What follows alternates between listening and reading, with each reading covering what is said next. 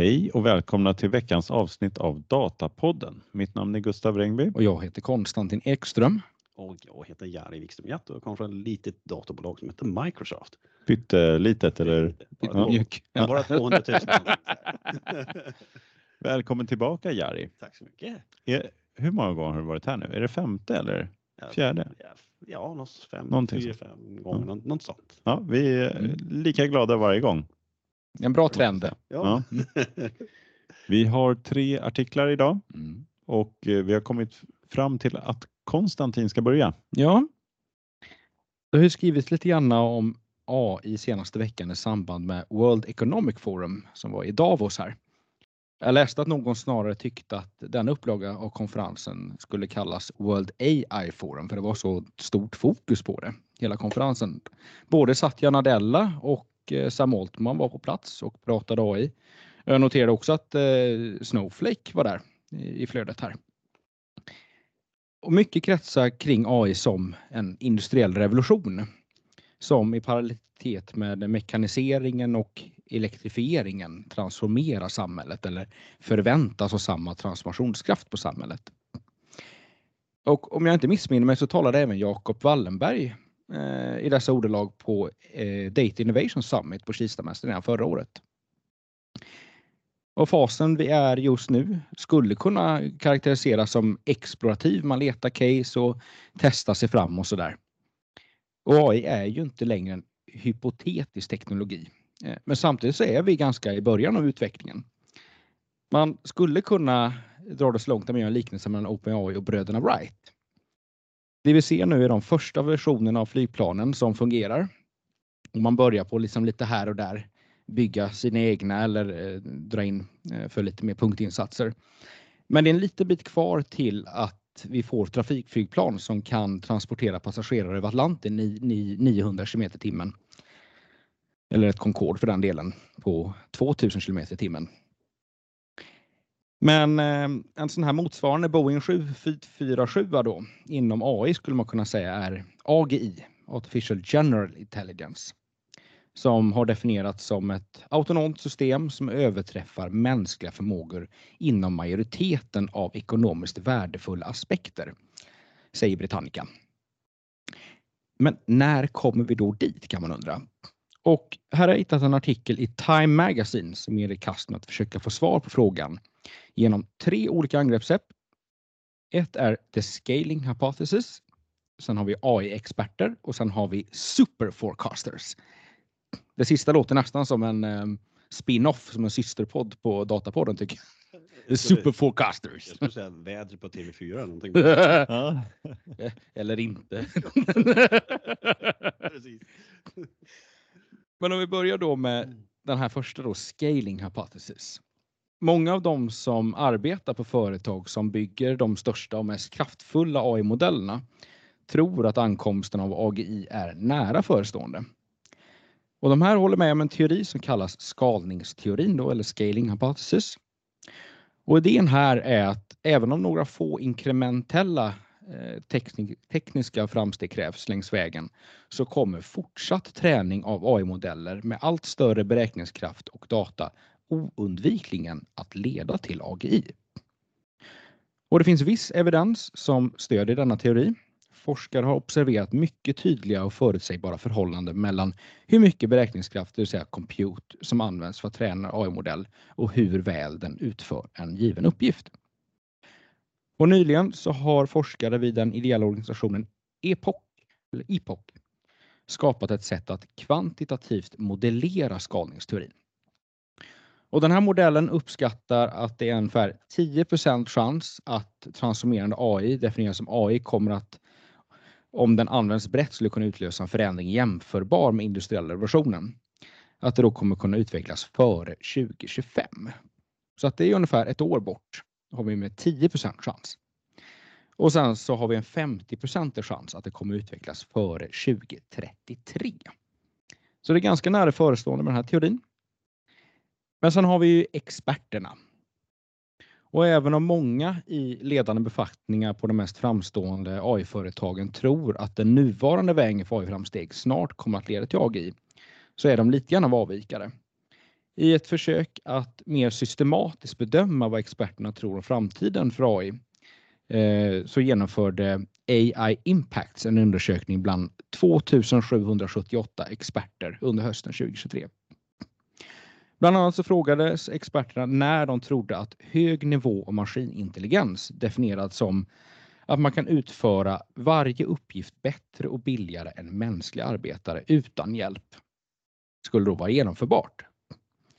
Och även om individuella förutsägelser varierade kraftigt så antyder genomsnittet av förutsägelserna att 50 chans att detta skulle ske före 2047 och en 10 chans före 2027.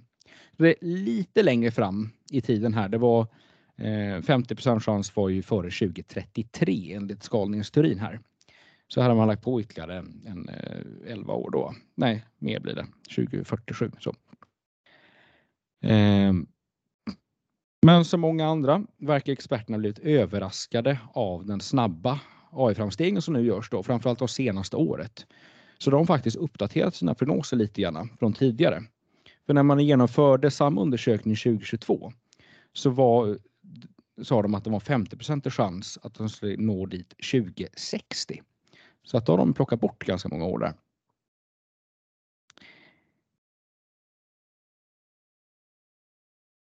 forskarna blev också frågade när de trodde att olika individuella uppgifter kunde utföras av maskiner. Just den här tyckte jag var lite kul. Eh, när tror ni att, eh, om ni skulle gissa, när tror ni att en AI skulle kunna komponera en topp 40-hit på Billboardlistan? Vilket år? Om du bara ska kasta ur någonting. Det var 1998 kanske? Nej, Nej alltså det har ju inte hänt än. Eller? Nej. Ja, det är, det är, det är en bra fråga. Ja, det är ganska snart. 2028 ja. tror de att det ska vara en Billboard-lista där. Mm. Ehm, och sen så var det också den här New York Times bästsäljarlista på böcker. När han har skrivit en egen bok som toppar listan. Eller skulle hamna på listan. Då är det bara att det är ett år senare, 2029. Mm. Mm. Men detta var ju då experterna. Sen har vi de här superforecasters och det finns gott om bevis, i de här, som säger att eh, generella experter inte är bra prognosmakare. De tar ett exempel här för att mellan, mellan 1984 och 2023 eh, 20, 2003 samlade samhällsvetaren Philip Tetlock in 82 361 prognoser från 284 experter och ställde frågor som kommer Gorbatjov att avsätta sin kupp? Kommer Kanada överleva som politisk union och sådär. Och då fann han att eh, experternas förutsägelser ofta var lika bra som slumpen. Eller ungefär som eh, Hans Rosling eh, uttryckte någon gång, eh, en, en schimpans eller en apa. Det är liksom 50-50 är liksom apan, du ger dem en banan och så ja, det, det blir någonting. Eh, men det roliga här var också att ju mer känd en expert var, desto mindre noggranna var deras förutsägelser. För att man, vill, man är ju rädd för att göra fel, va? så då är det bättre att vara lite otydlig. För då kan man alltid efterkonstruera att man hade rätt. Smart. Mm. Ska vi komma ihåg. Ja, just det. Men det finns då, det man också såg då att det fanns vissa individer som var konsekvent bättre än många andra. Och det är dessa då som man benämner superforecasters. Eh, att de liksom kunnat bevisa att de är, har mer konsekvent då lyckas förutsäga. Eh, och då tittade man, identifierade man några sådana superforecasters här i en eh, prognostävling som eh, pågick mellan juni och oktober 2022 utförd av Forecasting Research Institute. Eh, och då frågade man 31 sådana här superforecasters som man hade identifierat från förut då. Eh, och då hade man ställt en fråga till dem, inte rakt ut om AGI, men däremot när de trodde att Nick Bostrom, den kontroversiella filosofen och författaren till den banbrytande AI-existentiella risk, eh, riskverket Superintelligence, när han skulle bekräfta existensen av AGI.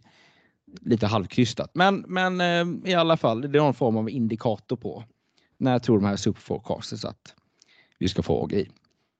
Och då tror de att det var ungefär fem, eh, 25 procent chans före 1905, eh, 2050 och 75 procent chans före eh, år 2100. Så att det är ännu längre fram då. Och vem har rätt? Kan man ju undra sig då. Alla tre tillväga, ja det blir ju, rätt svar blir väl då detta århundradet får man väl ändå säga för alla varit inom. Men alla tre tillvägagångssätten för att förutsäga. Eh, de, de har liksom en sak gemensamt, eh, skriver de artikeln här. Nämligen att det finns väldigt mycket osäkerhet. Bingo! Det är, brukar vara grejen med prognoser. No shit. Mm.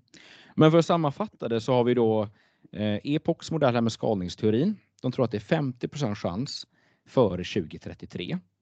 Experter 50% chans före 2048. Och sen superprognoserna, makarna då, vid år 2070. Eh, men det finns några oenigheter som kan man säga bidrar till eh, osäkerheten här.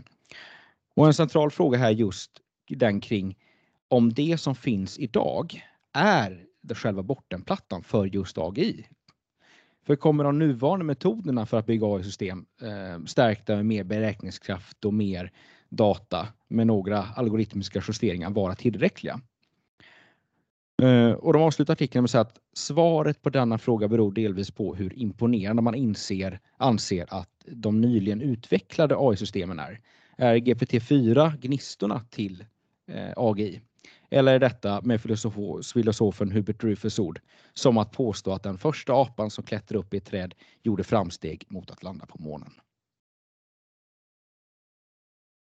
Den var bra. det är en liten tankenöt det där. Ja. Första apan som klättrar upp i ett träd. Man kan väl argumentera för och emot. Ja, ja. Mm. Det var lite spännande. Mm. Ja, nej, äh, äh, roligt det här med att det blir lite olika siffror. Äh, hur var det med, visst tog de upp här hur liksom de här företagsledarna för AI, de är ännu, de tror nästan ännu snabbare. Ja, Den trodde man nästan inte var här nu. Ja, precis, bara om några år va? Mm. Visst var det så? Sam Altman och, och den här... Mm. Men det är ju lite mer de här experterna då. Mm. Så det Ja. finns, eh, det finns liksom eh, riktiga optimister och sen så finns det liksom grader här av Mm. optimism. Jag undrar den här Nick Boström. eh, Om det blir nu 2070, 2070 är Mm. han i livet då? Eller har han ersatts av en, eh, av en eh, AGI som får... Ja, För det var det, det var det som var lite roligt när de sa att det var även var liksom, de, de förutsade fram till år 2100. Ja. Då är han definitivt inte i livet. Nej. Exakt, man kanske, kanske som sa som en stor språkmodell. Allt han liksom har yttrat på något sätt. Ja, precis. Ja, det, det, det jag tror det är. Alltså, det är någonting vi kommer att veta om x år. Kanske först 2070 om man kanske kommer att leva det hypotetiskt sett om allt går väl och någonting. Ja. Det är på något hem i en rullstol eller någonting. Men Mm. sen tror jag också att den grejen är att man, det är mycket hype just nu på de här språkmodellerna. Men eh, jag själv blir så här, men vi, är det AGI, även om vi tränar dem jättemycket. Men det är fortfarande en sorts matematisk representation av vad som låter bra. Mm. Det är ju inte, det är inte, liksom, det är inte en tanke bakom det. Mm. Sen kanske man kan knyta ihop det med, med annan typ av data, kunna göra lite mer utvärderingar på något Mm. sätt. Ja, ja Men-. Men jag tror det är också att vi, vi har inte skapat en, en själ eller någon som, den, en, en språkmodell tänker inte, utan någon som ska göra något aktivt. Mm. Så, I don't know. Jag tycker det var roligt, de hade väl någon sån här jämförelse angående det där. Att eh, den här filmen A Beautiful Mind om den här matematikern. Uh, han skådisen där eh, låter ju som honom men man blir inte liksom matematiker bara för att man låter som, eh, Nej. som honom. Så olika saker liksom. Mm. Ja, spännande. Mm. Den som lever får se. Ja, exakt. Jag tänker en, en intressant tanke kring de här AGI är att man skulle kunna samla in information alltså från vissa individer. Säg Mm. så här, vi har några här kända forskare, eller Einstein eller vad vet jag. Mm. Em, använda dem som en sorts, alltså personlig tutoring och coaching för säg skolelever någonting. För då nu, liksom, Mm. det är ju inte alltid det eleven får så mycket tid. Eh, Men jag tänker man ska ha någon man kan liksom chatta, prata med som till och med kanske med ljud i framtiden. Alltså ha de, de bästa lärarna någonting. Mm. Kan liksom på något sätt distillera den här så den personen kan liksom vara din egen privata tutor på säg matte eller fysik eller någonting. Ja, så alla har sin egen Einstein eller Ja exakt. Ja, jag frågar Einstein så får man lite, Ja. gärna med lite tysk fråga, fråga Newton på fysiklektionen. Exakt. Sätta ut, ut under ett träd. Ja. Nej, det, det är väl så här, men det här är ju en diskussion om AGI och sen så finns det ju en annan liksom, eh, alltså att man måste undersöka, okej, men den nivån det ligger på nu, vilka affärsnyttor kan vi skapa med den? Ja. För det finns det ju en massa och det är nog inte eh, Eh, bara för om det ligger nu långt fram här AGI så är fortfarande det ju massa liksom processer där vi har nytta av det här. Redan nu i alla fall. Eh, en sak som jag tyckte var lite rolig att de tog upp här, det var ju, eh, sa de det att eh, nu ligger eh, de bästa processorerna ligger på 20 eh, såna här trillion flops. Mm. Flops är väl någon slags så här, mätetal av eh, beräkningar. Floating. Floating point operations. Ja. Om jag inte minns fel. Och så var det den här eh, oklarheten då, för man kan inte riktigt räkna på hur många flops eh, en hjärna ligger på. Om det är en trillion eller en kvintiljon eller det var något sånt där. Det är väl Mm. antar en tusen triljoner då, eller ännu mer? Det Eh, måste det vara va? bra siffra i alla Ja. fall. En rejält. Mm. Liksom, så att det är frågan om den ligger i ungefär i paritet med vad en, en mänsklig hjärna kan beräkna Ja. eller om den ligger väldigt eh, långt ifrån. Då. Mm. Så det, och det är ingen som riktigt vet. Då. Eh, så att eh, på, på så sätt så man kan väl säga så här om man når hårdvarumässigt så finns det ju i alla fall potential Mm. att liksom bli smartare än en människa. Mm. Såg någon eh, sån här siffra också att eh, hela våran liksom eh, gen, eh, liksom den mänskliga genuppsättningen, den ryms på 725 megabyte. Mm. Så man kan jämföra det så här, om du kan bygga ett program då som beskriver liksom eh, eh, inlärningen på 725 megabyte och du har samma liksom eh, beräkningskapacitet så borde det rent hypotetiskt eh, gå att eh, skapa någonting som är minst lika eh, effektivt som en människa då. Mm. Att, eh, att eh, ja, utföra olika typer av grejer. För, ja, Ja. om vi, liksom våran AGI som vi har i oss, den kan inte vara större än 725 megabyte rent liksom instruktionsmässigt. Rent matematiskt. Ja, precis. Hård, eh, det är den ramen vi har som Mm. programmet är skrivet på. Liksom. Mm. Exakt. En, eh, istället för en C64 så är det en H725 eller något. Ja, precis. En CD-ROM eller lite mer packat kanske. Men det, in, I ett annat aspekt jag tyckte jag så här med, om man kan, när, när kan en liksom skriva en så här billboardlista som, eller böcker eller någonting. Jag tror så här, en reflektion som, eller en spaning som jag funderar på det är, kommer det som är skapat av en människa, kommer det vara framtidens lyx? Mm. Jag tänker, och kanske de här, du vet, så här, någon som målar en tavla. Ja, det har vissa grejer, det, är ju, det handlar om lyx och exklusivitet och sånt där. Men om vi tar ett steg ner från Mm. så här überlyxen, det här, det det är en Chagall eller Picasso eller någonting. Men det som är lite medel eller mellanläge någonting som man kanske, ja men sätter ett visst värde på det. Mm. Men det kanske inte är för att det är namnet för att det ser, ser fint ut eller någonting. En AI kan ju tekniskt sett skapa mycket grejer snabbare Mm. och bättre än människa. Så frågan är, är vi villiga att betala för något som faktiskt är skapat av en människa som är dyrare Mm. och sämre? Jag tror det- det lär ju bli en konsekvens här att så fort du köper ett konstverk nu så måste du få med en film där du liksom kan följa i snabbspolning när konstnären gör hela verket. Så att du kan- ser att den liksom är gjord för hand. Men det kan vi ha skapat. Man kan ha skapat en film med generativ AI. Så det Då får du göra en film som spelar in att du spelar in film. Nej. the blockchain. men, det- men det är också, på- jag såg en så här på, också så här på LinkedIn, de gör så här en robot som kan laga mat. Ja. Först kan man koppla ihop robotarna som kan laga mat och allt det där. Någonting. Om du går på restaurang Mm.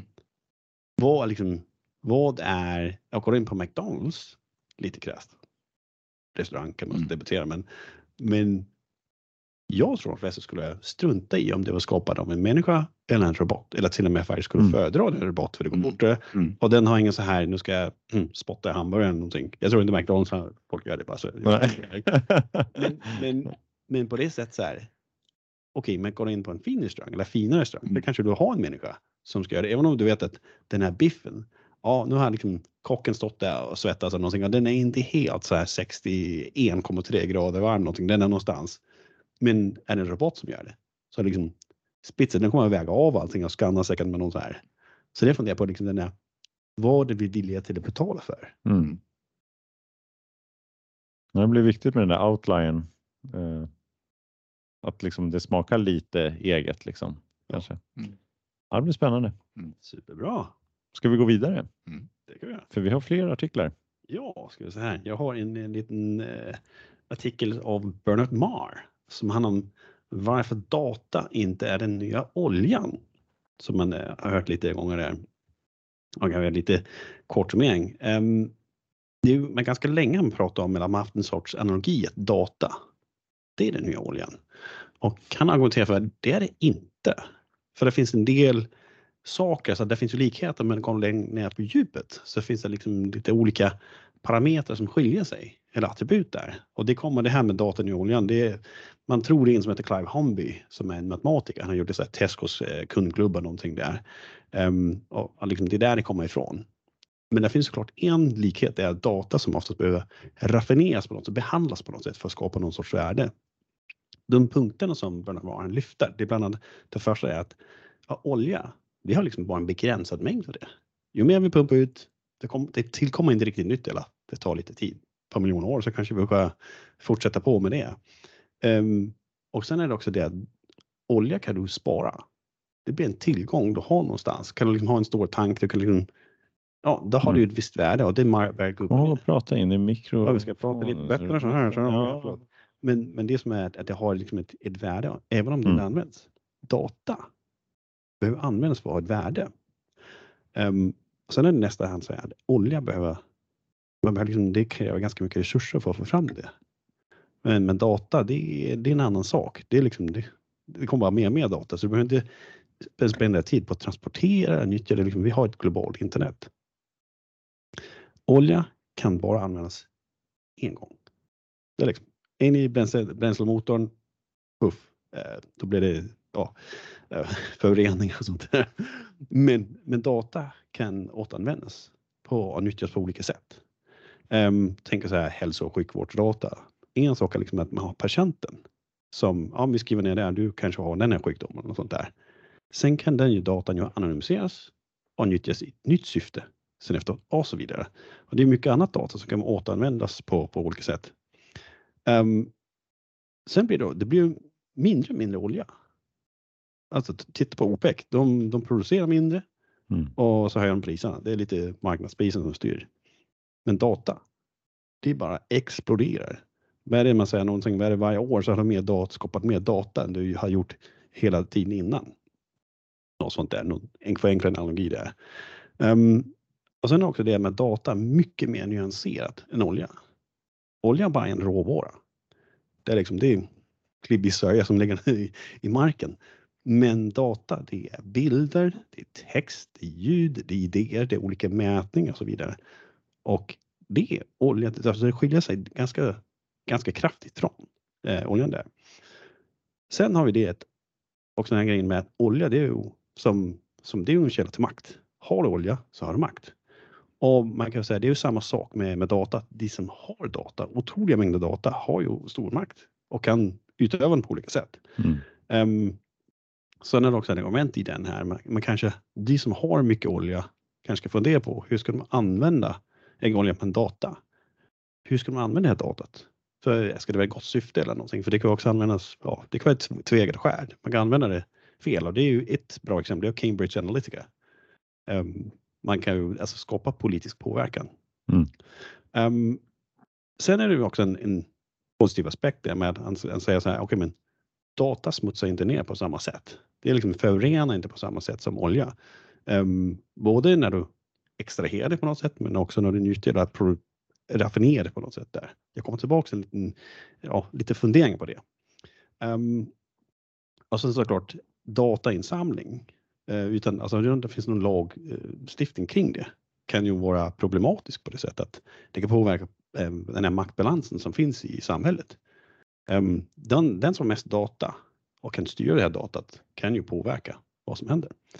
Uh, och sen också, sen, om man jämför data med en energikälla, alltså en förnybar källa på något sätt, ett vind, sol och så vidare. Så, så det finns obegränsad att det finns obegränsat av data på något sätt. Så jag kanske också behöver fundera på vad, vad ska vi använda all den här datan till? Ska det tillgängliggöras på något sätt för samhället? Um, så det är väl lite det. Så slutklämmen som han säger, reglerna är ganska oskrivna kring det här med data um, och utvecklas hela tiden. Uh, sen är det också det han säger liksom att man kan inte bara jämföra med olja för det blir ganska för, för, för enkel analogi. Um, så det, och det är också kanske för oss att tänka lite fel för att data, jag tror det är viktigt att tänka på att data kan återanvändas. Olja kan inte återanvändas. Um, mm. Alltså det är ju, kanske man kan säga, ja men plast kan väl delvis återanvändas men jag tror liksom, ja, inte riktigt där. Så det är en bra poäng. Mm. Så jag tänker så här, ja, släppa loss oss själva här. Vad, vad tänker vi? Ja, jag, jag sitter och funderar på vad ska man kalla det istället då? Vilket syfte? För jag tänker, liksom, jag tänker data är nya oljan. Det är liksom en... Eh, ja, en... Eh, det låter... Det är någon form av ja, ekonomiskt värdefull resurs. Men det blir ju... Det blir, användningsområde i övriga, liksom, den analogin, det, det, det blir ju det stämmer ju inte riktigt då. Nej, precis. Du hade ju någon artikel tidigare som pratade om just att data är mer av en uh, asset. Det är inte en, uh, den liksom lever kvar på ett annat sätt och du ja. tar hand om den som en fastighet istället. Ja, men precis. Det, det var ju en grej. Precis, det är, mm. exakt, det är en tillgång som är, men samtidigt också en, på något sätt en, jag skulle säga en färskvara.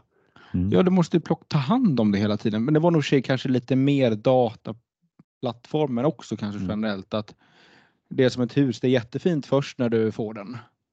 Men sen måste du liksom hålla på och putsa och liksom, ja, göra renovering och så annars bara förfaller det. Då blir det ju gammalt och, och sådär. Mm. Precis, precis. Jag tänkte en grej också det med data kan återanvändas. Jag tror att jag tänker som med organisationer måste tänka idag mycket mer på data lifecycle. Både vad du har men också vad datat användas till, alltså downstream. Alltså mm. vem nyttjar ditt data? Eh, för det är ju mycket, alltså organisationer delar på alltså, både rättmässigt och sånt där. Mm. Men också att datat man använder själv och sen kanske någon annan som man delar datat med. Säg bara forskningsdata. Mm. Okay, vad, vad, vad, händer sen downstream? Vad används och nyttjas det data mm. till och sånt där? Och många gånger så kopieras ju data till höger till vänster på något sätt. För ja, men vi ska en kopia och göra någon data mining här eller vad det nu är. Så det är ju, och så tänkte jag också det att data försvinner inte. Det är ju mm. det, är det sen att alltså, även om du förbränner datat så finns det ju kvar. Mm. mm. Så det är många sådana här saker där och så tänker jag att det kommer att låta konstigt där. Men om du tar olja, du ska liksom ha olja här och olja där, blanda ihop det.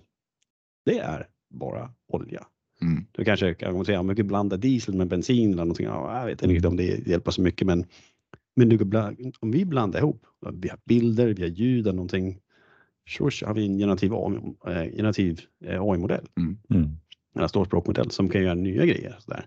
så det är också sådana saker man ska tänka på. Liksom, du kan blanda olika typer data för att få nytt, ja, något, något nytt värde där. Mm. Så det är mycket sådana grejer som är. Och sen den med miljögrejen, alltså, ja, men data förorenar inte så mycket där. Det är, ja, det är väl kanske lite sanningen med modifikationer. Det handlar också om den strömmen det, det liksom konsumerar.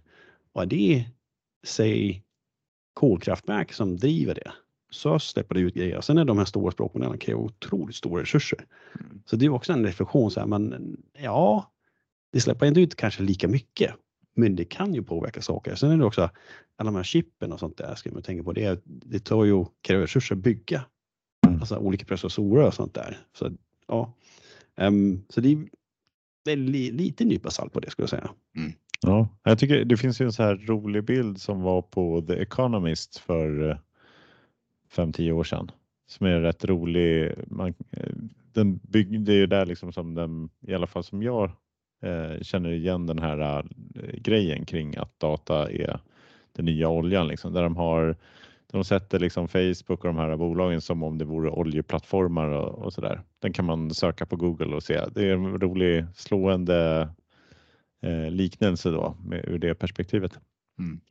Sen eh, jag tänkte med, med, med data, alltså privatliv och sånt där. Alltså jag tycker det är bra. De flesta tycker att GDPR är bra och det tycker vi också på regeringen här som privatperson på men också på Microsoft. Det är väldigt tydligt att GDPR är bra och det är rätt väg fram och sånt där. Men vi människor är ju lite lata eller dumma eller ja, vad kan man säga? Det är, det är ju mångt och mycket men, men poängen är så här, många tänker att gratis är gott.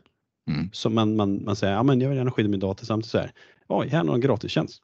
Ja, vi, vi, Mm. Så står liksom en, en lång lista med information. Vi kommer att ta ditt data och skicka det till någon annanstans. Där. Ja, ja, varsågod. Man tänker inte på det. Mm. Det är liksom har, har ett ansvar på något sätt för ditt eget data, förstå vart det, vad som händer med det. Så det är ju, sen tänker jag också det sista med det här data med generativ AI och språkmodeller och någonting. Det är en fråga om tid för vi kommer att se mer så här fake-data. Alltså sk- generera data för att kanske influera någonting. Det ser man säga påverkansinformationer på många så här, ska man säga, eh, sociala medier och sånt där. Men det kanske kommer mer sådana typer av, av informationer. En liten twist här tänkte jag på den här artikeln, det är faktiskt att, ehm, att be Copilot eh, summera ihop den här artikeln. Vad handlar den om egentligen? Och eh, så man ska så här. Man kan göra så lite, läsa lite högt där. Data and oil are different commodities.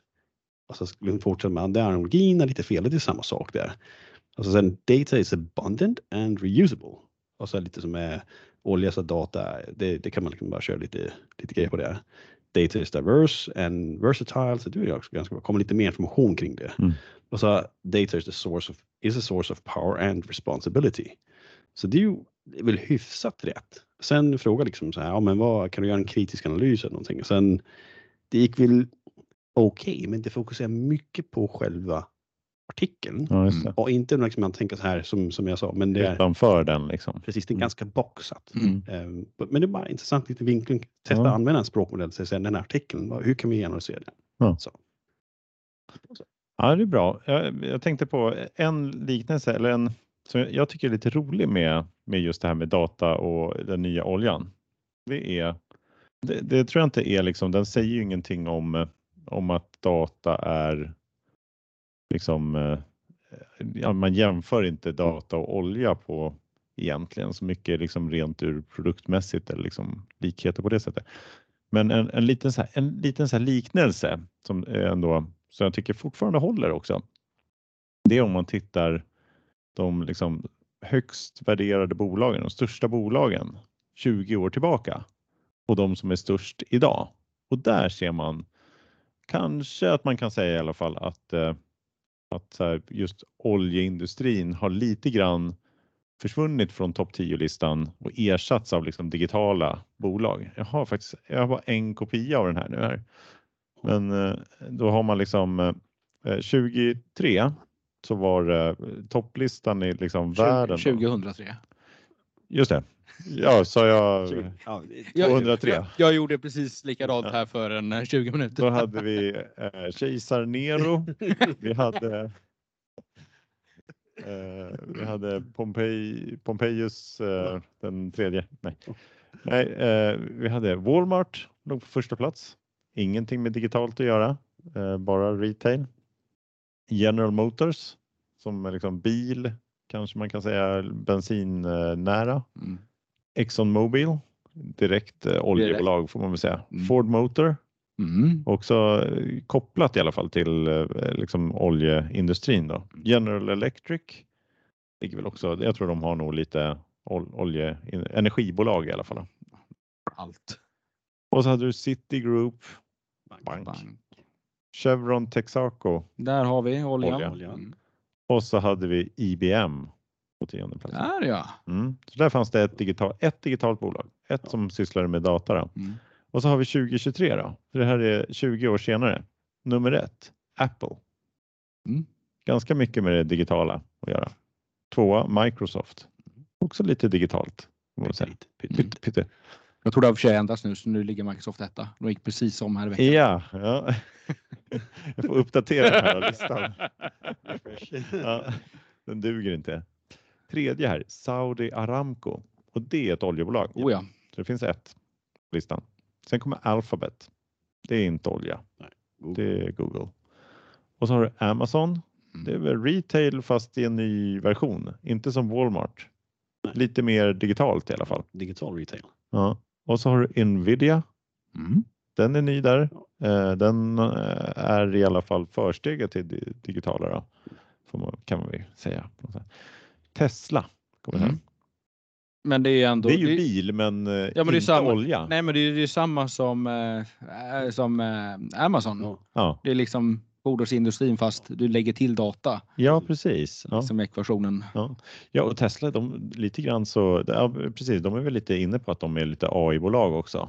Visst har de lite såna här robotar som de har byggt och sådär också inom Tesla? Kanske Men framförallt liksom allt, allt är ju så uppkopplat. Liksom den Ja. känner av att du behöver inte ringa och boka en service utan det kommer Nej. upp i bilen. Här har du förslag på tider. Välj, tryck.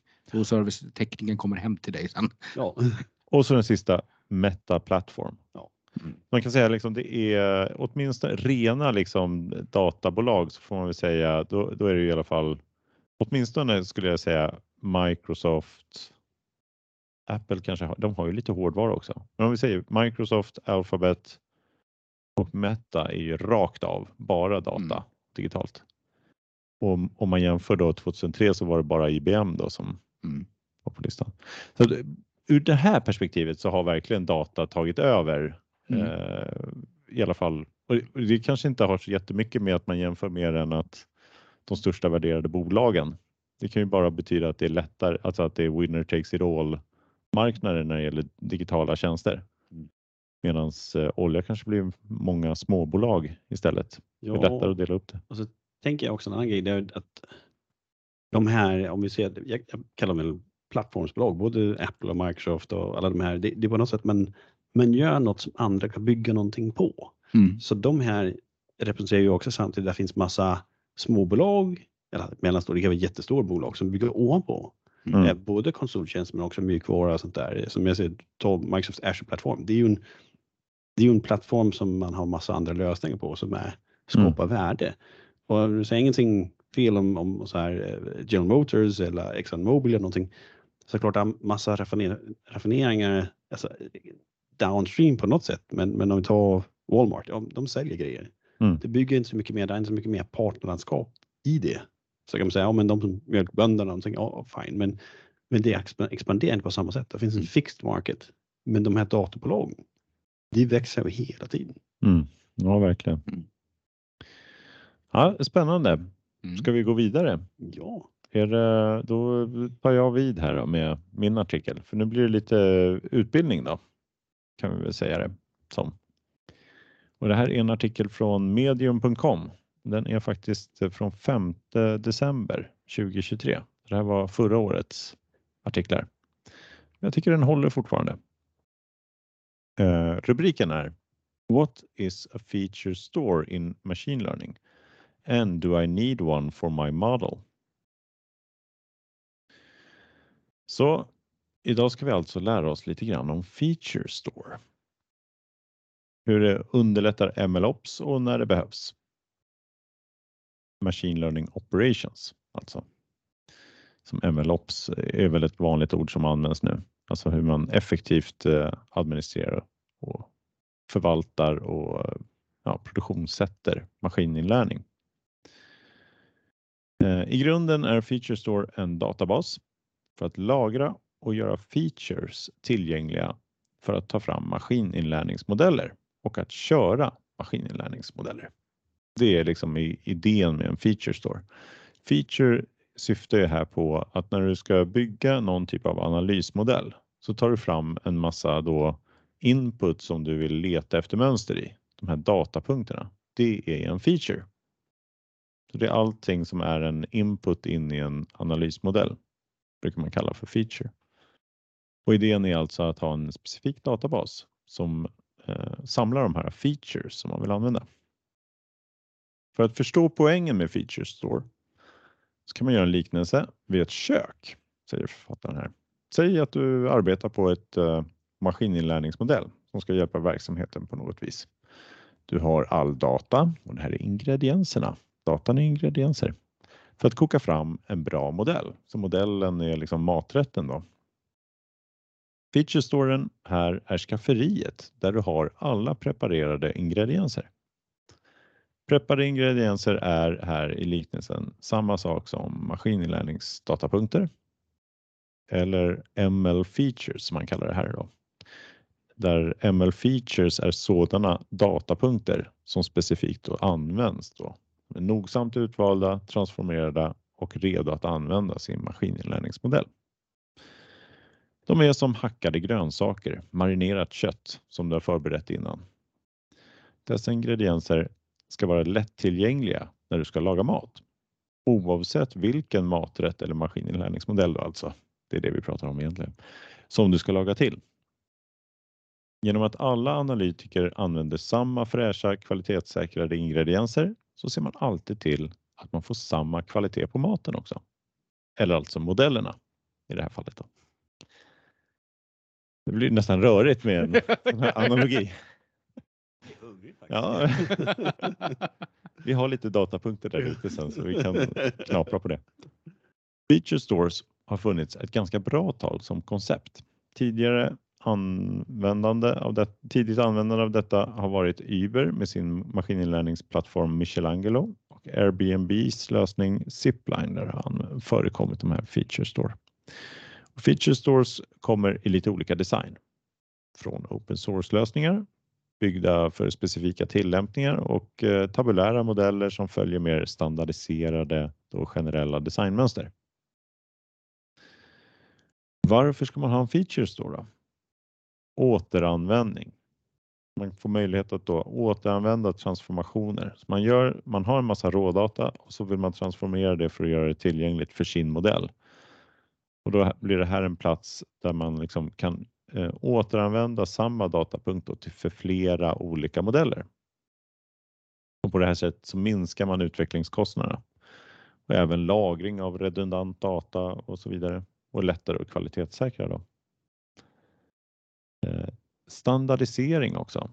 Genom att man använder en sån här feature store så tvingas man att definiera sina features enligt då den här arkitekturen som man använder, det mönstret i, i, som man använder i feature storen. På så sätt blir det lättare att kontrollera och vidareutveckla transformationerna också. Det blir lättare för en ny utvecklare att komma in och titta på tidigare definitioner och, och förstå hur de fungerar. Så allting blir lite enklare att samarbeta då också. Då. Eh, sen har man också eh, en tredje eh, punkt här. Konsekvent hantering av historik och realtid. Det gäller att kunna tillämpa exakt samma definitioner när man bygger en analysmodell som när man ska utnyttja modellen. Och när man ska utnyttja en modell, då kanske det är någonting som körs i realtid till och med. Och det här är någonting Feature Stores då måste ha stöd för att hantera då. Eh, om man säger så här, du har, eh, du har kund, eh, kunder, alla har ett postnummer och så vill du använda om postnumret är eh, kanske är tätort eller eh, om det är storstad eller om det är landsort så utför du någon typ av eh, ja, beräkning då på de här eh, postkoderna. Om du då har gjort det när du gör analysen för, liksom för att hitta vilken typ av kunder är mest lönsamma för oss och så, sen så när jag ska använda den här modellen och få in ett ny, ny kund med nytt eh, postkod så gäller det att jag använder exakt samma eh, kod så att man inte helt plötsligt börjar se tätorterna som landsorter och så vidare.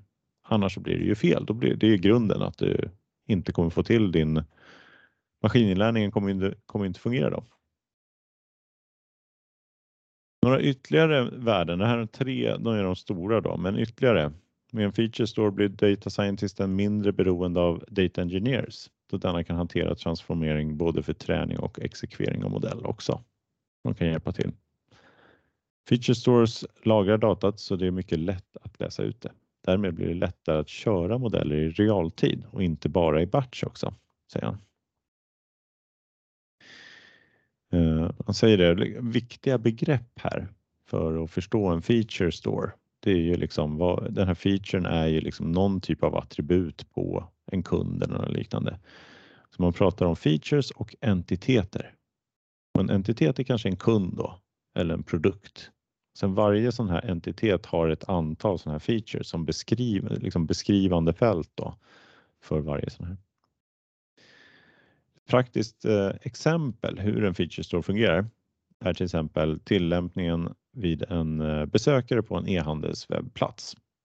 Där har man kanske vissa besök som gjorts under en session på hemsidan, alltså några, man kanske har lagt någonting i varukorgen och så vidare. Men från feature storen kan man därifrån klä på denna session då eh, med när man eh, senast gjorde senaste besök på hemsidan eller senaste köptransaktion. Vilka köp som är populära just nu också. Så det behöver inte vara kopplat till just den här entiteten då, besökaren, utan eh, allmänna generella fält också. Då. Träning av modeller kräver ofta hantering av enorma datamängder. Något kolumndatabaser fungerar bra för. Eh, kolumndatabas är ju där man liksom eh, lagrar och indexerar datat per kolumn för att det ska liksom gå snabbt att göra aggregeringar av datat. När det dock gäller realtidsdata och då liksom även nyttjandet av modeller i realtid då, så krävs det åtkomst till få datarader väldigt snabbt. Och det är något den här klassiska radbaserade databaserna lämpar sig extra bra för. Så det här är liksom en dualitet då som en feature store måste kunna hantera. Både vara snabb när det gäller att samla de här stora datamängderna när man ska bygga och träna modeller eh, och göra liksom leta efter statistiska mönster av olika slag. Men också sen när den ska utnyttjas, då måste man kunna få ut de här eh, vilka tidigare köp just den här kunden har gjort. Det är en helt annan typ av indexering då. Eh, Eh, författaren här delar upp det på två eh, olika begrepp. Då. Online feature store är den delen som måste fungera i realtid och offline feature store är delen som eh, måste fungera i batchform. Då. Det är två olika delar då. Och det gäller ju att de här fungerar ihop då på ett bra sätt. I slutändan här eh, så får man eh, en feature store har liksom en arkitektur med ett antal då komponenter den ska bestå av. Så man har, för det första så har man liksom en del där man ska hantera transformation och eh, då säger eh, ja, författaren här att ja, men eh, man ska liksom kunna först och främst kunna hantera både batchdata och realtidsdata och transformera det. Data kan finnas i många olika former för konsumtion så du måste kunna konsumera och extrahera data från alla dessa olika omständigheter. Databaser och API. Realtid, batch, deltakörningar, allt möjligt ska den kunna hantera och liksom få ut data ur och in då och transformera i den här feature storen. Transformation sker oftast i SQL och Python. Och egentligen SQL först och främst Python om det krävs mer komplexa statistiska funktioner. Eh, sen så ska man lagra datat och här har man ju då den här eh, dualiteten att man måste kunna hantera både då online i realtid och offline för träning, batchkörningar och att det ska gå vara snabbt på båda de fallen. Sen har man också ett vad man kallar för ett feature registry. Det är liksom ett register där man får överblick över definitionen av varje feature och även hur varje feature används i olika modeller. Så lite kontroll. Och här ska man också i det här registret då över alla features ska man också kunna administrera behörighet. Eh, feature serving är också nästa del då i den här arkitekturen. Det är i det här laget som man då kan konsumera features. Eh, både för att träna modeller såväl som att köra modeller. Oftast är det detta laget åtkomstbart via API då. En del har funktionen att man kan skapa features on the fly också. Så det ligger liksom, eh, man skickar in en, eh, en, eh, någon typ av fält, kanske då en postnummer och så får man tillbaka en huruvida det är en tätort eller landsort eller vilken typ det är. Då. så att man ja, kan få det via den här serving. Då. Monitoring. Varje produkt, produkt, produktifierad feature store har alltid en övervakningsfunktion också som verifierar att datat inte tappar kvalitet eller avvikelser uppstår. Det är några saker som man ska kunna hantera då i en sån här monitorering. Då. Datakvalitet, att verifiera att inte felaktigheter når över en definierad tröskel. Ett fel kan vara för många null i ett visst fält eller problematiska datum eller avvikande värden på något sätt. Datadrift, verifiera att inte datats distribution förändras under en längre period. Då. Och så serving performance, att man håller goda svarstider när eh, folk eh, då eller system och data scientist eh, utnyttjar den här feature storen. Och så har vi eh, att man ska hålla koll också på eh, den här att det inte råder olikheter mellan träningsdata och data som används för, för eh, när man kör en för predictions då när man eh, ska utnyttja en sån här modell. Ja, det är egentligen alla komponenter som en sån här ska innehålla. Det är fem komponenter alltså. Monitoreringen, det är det här registret och sen så är det liksom eh, tre stadier. Att ta in data, eh, den här transformationspipelines och sen har du att lagra data och sen så serveringslager liksom, där du kan utnyttja det sen. Ja, det var ungefär hela eh, texten. Sen kommer man till frågan, hur, när behöver man använda en sån här feature store? Och eh, då säger de här i artikeln, när du har komplex data och modeller är det som störst nyttjande, alltså när du har störst nytta av den. När du har många analysavdelningar som använder samma grundläggande data där man måste eh, liksom återanvända och ja, eller man får en större nytta då om man samarbetar liksom och, och kan återanvända datat till flera olika modeller. För realtidstillämpningar har man större utnyttjande av en feature store. Till exempel fraud detection eller dynamisk prissättning. Det är sånt som måste ske i realtid oftast. För mindre projekt eller väldigt tidigt i tillämpningen av maskininlärning eller om du inte har, är av behov av realtidshantering så är det kanske inte nödvändigt med en feature store.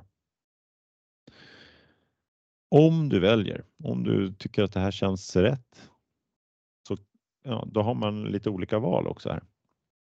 Du kan välja på att bygga en egen feature store. Du kan köpa en uh, off the shelf, någon eh, som har byggt den som är specifikt gjord för, för det här ändamålet. Då. Eller du kan tillämpa då en open source variant också.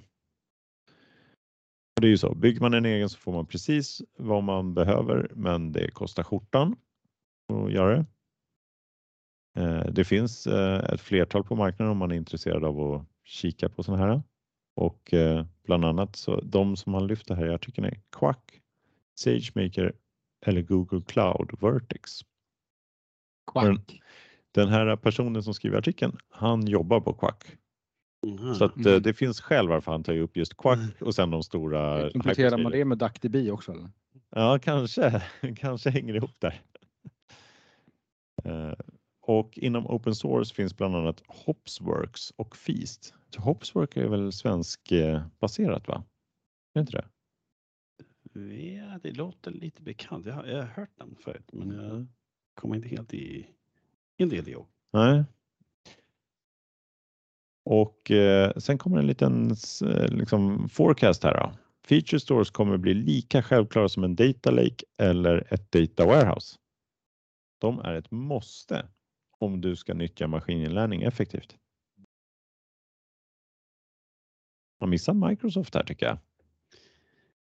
Ja, men det är lugnt. Vi, we're up and coming kan man säga. Ja. Ja, men jag, tycker det här, det här är, feature stores är ju någonting som har dykt upp lite grann. Det är många så startups som, eh, som marknadsför det här. Eh, sen tror jag de flesta som har en feature store har byggt den på, liksom, på de stora lösningarna eh, som kanske inte har marknadsfört sig som feature stores specifikt. Eh, för jag, jag tror inte, även när de här SageMaker och Google Cloud har vi inte heller. Jag har aldrig sett att de marknadsför sig som att det är specifikt en feature store. Nej, eh, SageMaker tror jag var för alltså det är där du tränar och Ja, bygger precis. dina modeller inte. Ja. Jag visste inte att du kunde lagra data i Nej, SageMaker, men det är det, nog en tolkningsfråga kanske. om- det kanske är någon form av vi-lager. Liksom. Ja, Men det är kanske också det man ser, det är att en feature store blir som en, en, en delkomponent av en större lösning. mm. Ehm, det är lite, ska man lite krasst ja men, men man tänker så här med, ta, nu förenklar det här extremt mycket så här, men tänker så här, du har Windows och så Mm. ser feature store blir lite någonstans, lite som ett, ett DLL. Mm. Alltså en DLL liksom är, ja, API och sånt där. Mm.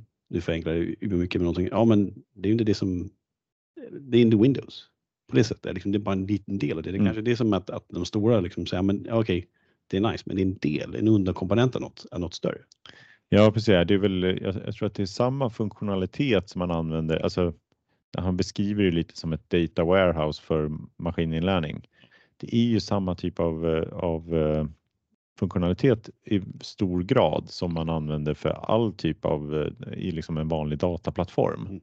Men några så här punkter då som kanske är eh, som är ändå. Det är ju trevligt att få allting klart förstås så mycket som möjligt. Eh, Så att, eh, ja, man man får se om den här marknaden blir stor. Då tror jag även de stora drakarna, alla kommer nog ha, prata om det också som, ja. en, som en specifik eh, grej. Ja, men det är klart att du kan bygga din feature store eh, här också. Men sen vill man ju också få ihop det med den övriga dataplattformen. Plockar du in ett visst typ av data, transformerar det på ett visst sätt. Mm. Då vill man kanske inte ha det liksom vid sidan om någonstans här borta. Här har vi lite, gör vi ungefär samma sak en gång till.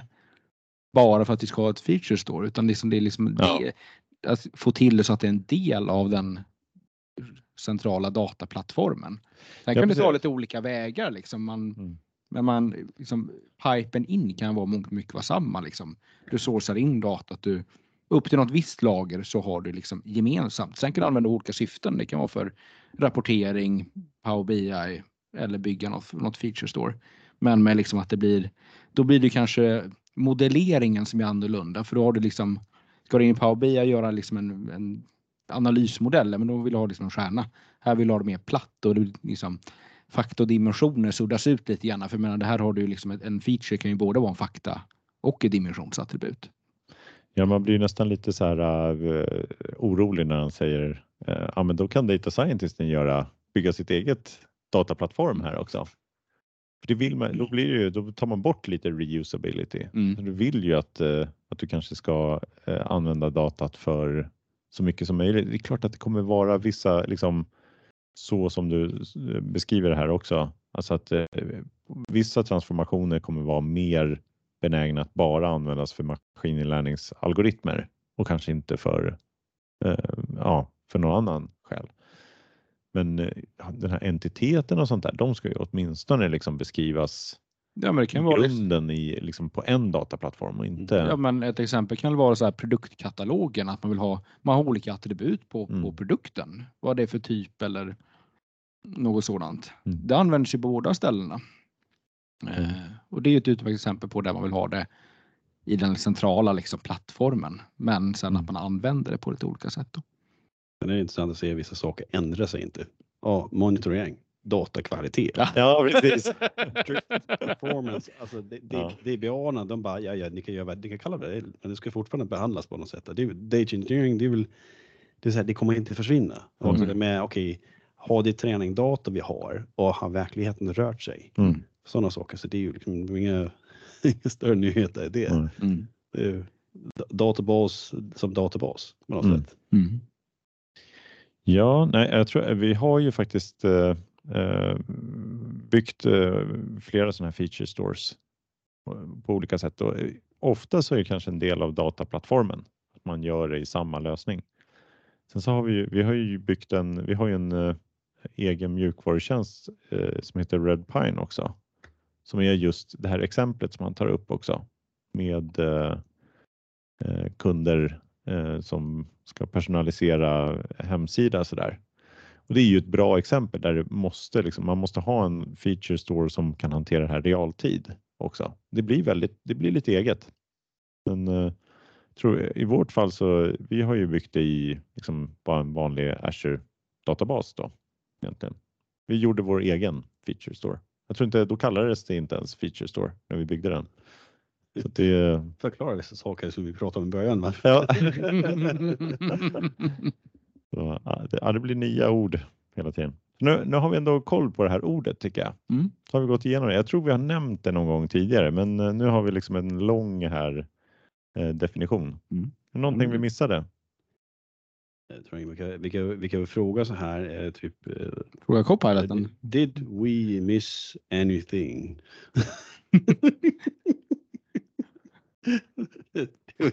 Total fråga. Den kan allting. Har, har den lite liksom koll på oss nu här också? Jag vet inte, det spelar ingenting. Bara, bara, lite, bara lite på skoj. Ja. den, den svarar nej. Nej. Ja, det är bra. Computer says no. Vilken tur. Ja, Jari har haft Copilot. Om ni undrar så är det inte Jari som svarar. Han är bara inkopplad Jag är på. en Copilot. Och så med tanke på, på, på dåliga pappaskämt vi, eh, vi har nästa skämt här. Um, why don't eggs eh, tell jokes? They'd crack each other up. Ah. Trumman, trumvirveln. Där, där kom kom den. den. Där kom den. Ä- Äntligen fick vi använda den här funktionen. Vi pratade lite här innan också om eh, att eh, Copilot är bra på att ge lite så här pappaskämt. Mm. Eh, och vi kan ta Tell me a math joke. Nu kan man få liksom gruppering också. Ifall ni, ifall ni är tråkiga på scenen. Eh, det verkar som den håller på lite spinning donut här. Okej, nu kommer den. Working on a response for you. Tell a math joke. Det är något som det looking things over. Den håller på liksom, där i Word så eh, alla får fundera på. Man kan också PowerPoint köra samma sak. Så det blir nästan i Excel om det blir mer så här ekonom ekonominriktade skämt. Ja. Tänkte. Vad kom det något mer skämt? Ska vi se, nu kom det här. Ja. Helt en matte, ett matteskämt där. Why was the math book sad? Because it had too many problems. Ja, Åh. stackare. Nu jag blev nästan lite. Ja, ja, det var, det var så. Ja. ja, men det var bra. Det var bra. Mm. Tack så jättemycket för att du var här Jari. Tack själv. det är alltid kul att vara med. Och tack för att ni har lyssnat eh, denna vecka också. Vi återkommer nästa vecka. Mm. Hej då! Hej då! Hej då! Vakna klockan fem, det är mörkt nu igen som om idag